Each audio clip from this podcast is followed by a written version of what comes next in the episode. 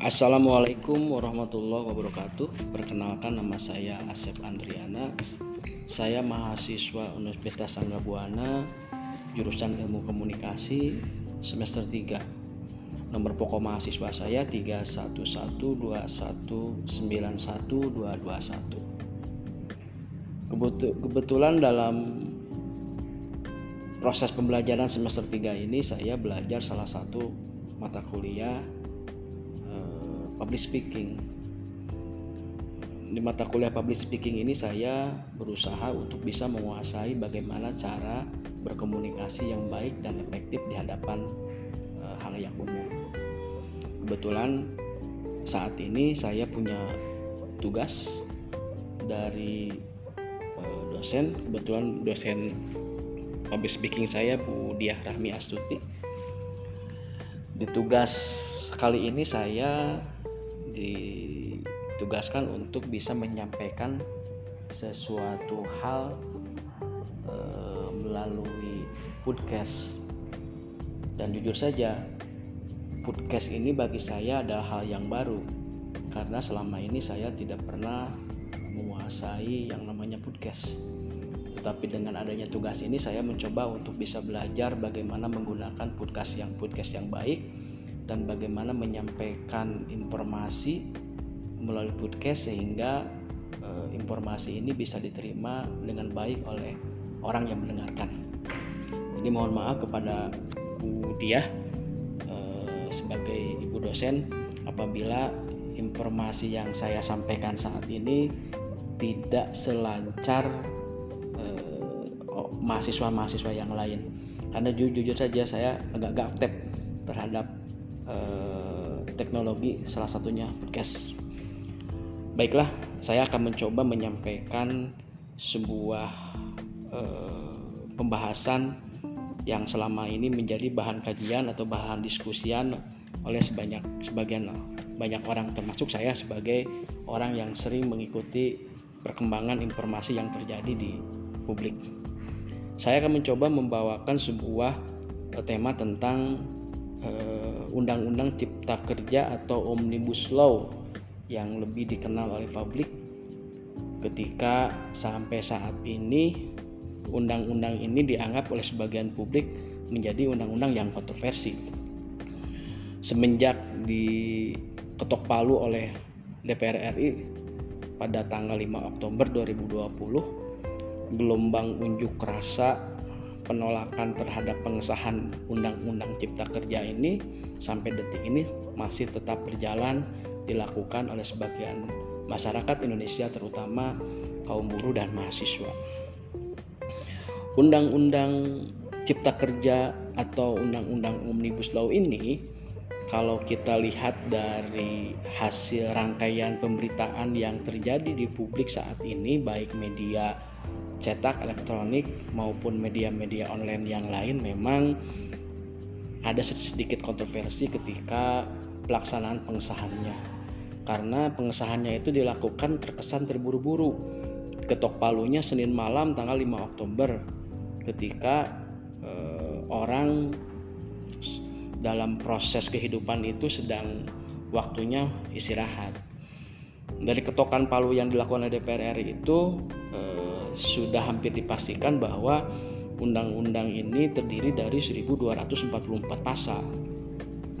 1244 pasal ini kalau kita kaji dengan baik butuh waktu dalam mengkaji eh, dampak positif negatif dari pelaksanaan undang-undang ini. Jadi cukup disayangkan juga ketika eh, baru disahkan undang-undang ini satu hari setelah disahkan gelombang unjuk rasa terjadi di mana-mana.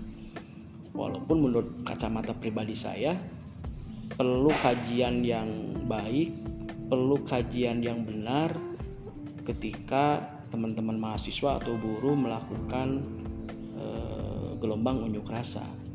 Karena gelombang unjuk rasa yang dilakukan apabila tidak dibekali oleh informasi yang benar akan mengakibatkan kerugian bagi semua pihak termasuk kita sebagai mahasiswa juga.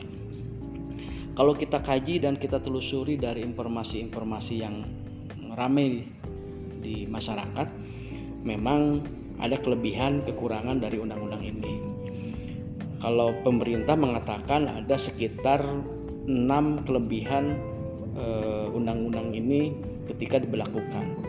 Karena pemerintah pada saat ini lebih mengedepankan bagaimana sektor ekonomi, sektor investasi bisa semakin berkembang di Indonesia.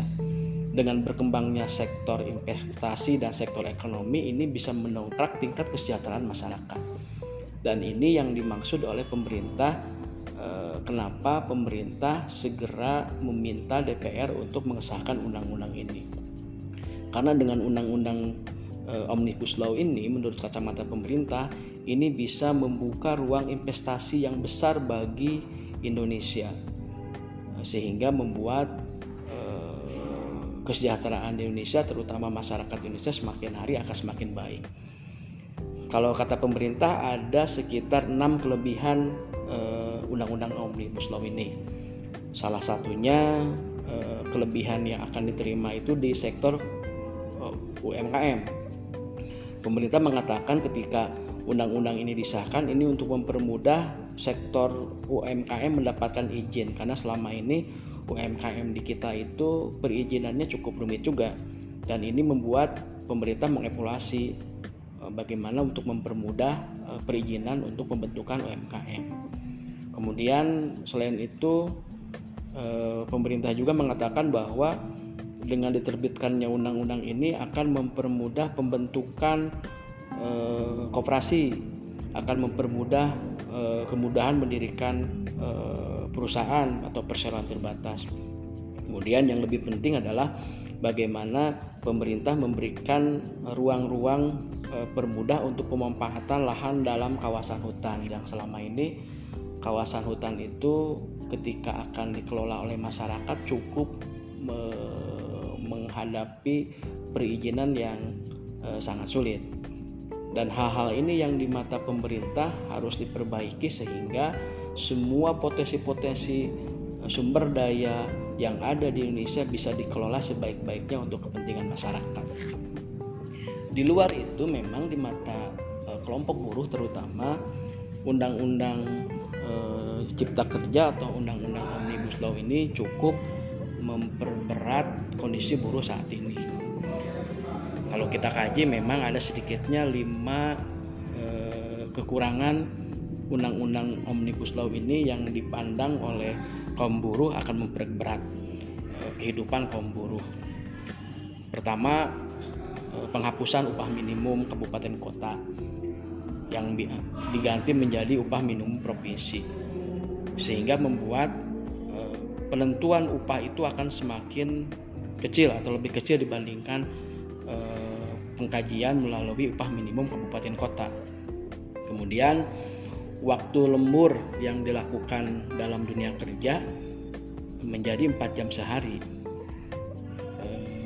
yang biasanya dilakukan uh, upah lembur itu dilakukan uh, selama sehari itu hanya tiga jam maksimalnya sehingga kalau kita hitung-hitung secara hitungan mingguan yang biasanya buruh itu men, e, maksimalnya itu lembur itu 14 jam dalam seminggu sekarang buruh dipaksa untuk lembur itu 18 jam per minggu sehingga membuat buruh merasa e, tertekan oleh keputusan yang dibuat dalam undang-undang ini.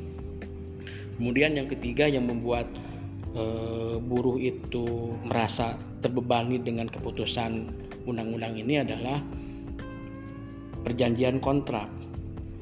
Di undang-undang saat ini e, buruh itu e, dianggap tidak ada ruang untuk menjadi tenaga permanen karena di undang-undang ini pemerintah memberikan kewenangan sepenuhnya kepada pengusaha untuk melakukan kontrak kerja sehingga tidak ada batasan si pekerja itu diberikan batasan sebagai tenaga kontrak. Kalau selama ini di Undang-Undang Tenaga Kerja tahun 2003 tentang kontrak itu diatur bahwa e, perusahaan hanya bisa meng, apa, membuat Eh, perjanjian kontrak itu kepada pekerja itu hanya tiga tahun dan bisa diberikan perpanjangan maksimal dua tahun. Jadi si pekerja itu e, dikontrak sebagai tenaga kontrak lima tahun. Setelah itu pemerintah wajib untuk mengangkat tenaga buruh ini menjadi tenaga, eh, tenaga permanen. Kalau di undang-undang saat ini tentang negosiasi tenaga kontrak ini disepakati antara perusahaan dengan buruh sehingga apabila ada arogansi dari perusahaan tidak akan ada yang namanya pengangkatan tenaga permanen sehingga dianggap merugikan kaum buruh karena potensi buruh akan menjadi tenaga kontrak seumur hidup akan sangat terbuka sehingga ini akan membuat jaminan keuangan atau jaminan pensiun uh, sulit untuk didapatkan oleh kaum buruh. Selanjutnya tentang penempatan tenaga asing. Menurut undang-undang yang saat ini, untuk kedatangan tenaga asing hanya cukup mendapatkan izin dari menteri atau pejabat yang ditunjuk.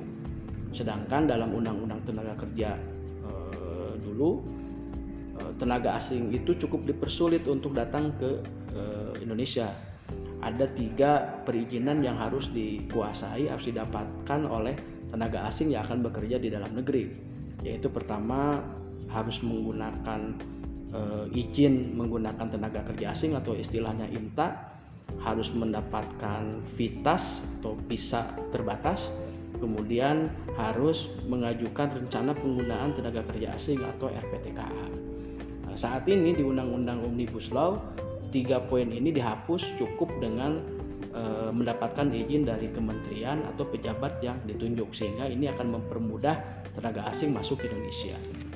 Poin yang kelima yang dianggap oleh kaum buruh ini merugikan ketika undang-undang e, cipta kerja ini disahkan yaitu terkait cuti. Kalau menurut e, para buruh cuti dua bulan per enam tahun ini menjadi hilang Padahal cuti ini adalah bagian dari ruang bagi buruh menikmati masa waktu istirahat. Kemudian eh, cuti harian juga eh, dihilangkan juga sehingga membuat eh, buruh terkekang sehingga mereka itu tidak ada ruang waktu istirahat. Kemudian terkait cuti ini dalam undang-undang Omnibus Law yang sudah disahkan kesepakatan itu harus dibangun antara pengusaha dan buruh sehingga memberi ruang yang sangat kecil bagi buruh bisa menikmati waktu istirahat ketika e, tenaga mereka terkuras e, dalam proses pekerjaan yang sedang dilakukan. Poin-poin yang saya sampaikan tadi memang ini bagian dari hasil kajian yang dilakukan oleh beberapa peneliti.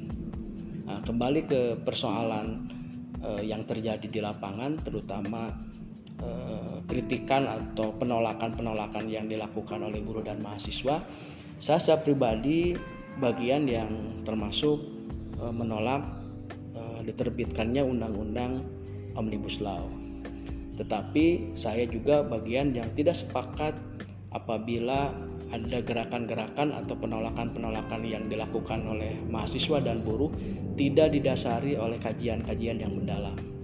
Karena saya melihat Eh, dan membaca bahwa mungkin banyak mahasiswa dari sekian ribu mahasiswa yang demonstrasi mungkin hanya sebagian persen yang mereka memahami persoalan yang terjadi. Kebanyakannya mereka yang turun ke jalan itu kebanyakan mahasiswa-mahasiswa yang hanya termotivasi atau terajak oleh opini-opini yang sudah terbangun di luar sehingga banyak mahasiswa-mahasiswa yang sebenarnya tidak memahami secara substansi dan ini menurut saya membuat citra gerakan-gerakan aktivis mahasiswa itu semakin menurun. Saya berharap ke depan teman-teman mahasiswa atau siapa pun yang memang e, mempunyai sikap kritis apabila kita akan membuat sebuah gerakan atau sebuah penolakan atau sebuah kritikan terhadap apa pun yang terjadi di lapangan siogianya kita dibekali oleh hasil kajian-kajian. Sehingga tidak lagi kita mendengar ada beberapa wacana yang terbangun seolah-olah ketika mahasiswa atau buruh atau siapa pun yang turun ke jalan mereka tidak memahami substansi persoalan. Dan ini yang membuat e, persoalan semakin hari semakin panjang sehingga kita dengan mudah dan gampang disusupi oleh kelompok-kelompok yang punya kepentingan di luar kepentingan untuk masyarakat. Mungkin itu yang bisa saya sampaikan terkait podcast uh, saat ini. Yang paling penting mudah-mudahan apa yang saya sampaikan bisa diterima dan bisa dipahami oleh orang yang mendengarkan. Apabila tidak kurang dipahami, saya memerlukan saran-saran yang bisa membuat apa yang saya sampaikan bisa diterima dengan baik dan saya bisa memilih kata-kata yang efektif dan efisien sehingga misi atau informasi yang saya disampaikan dapat diterima dengan baik oleh publik. Dan saya ucapkan terima kasih kepada uh, Bu Diah Rama Astuti yang sudah memberikan kesempatan saya untuk belajar melalui podcast ini, belajar menyampaikan informasi yang efektif dan efisien. Terima kasih. Assalamualaikum warahmatullahi wabarakatuh.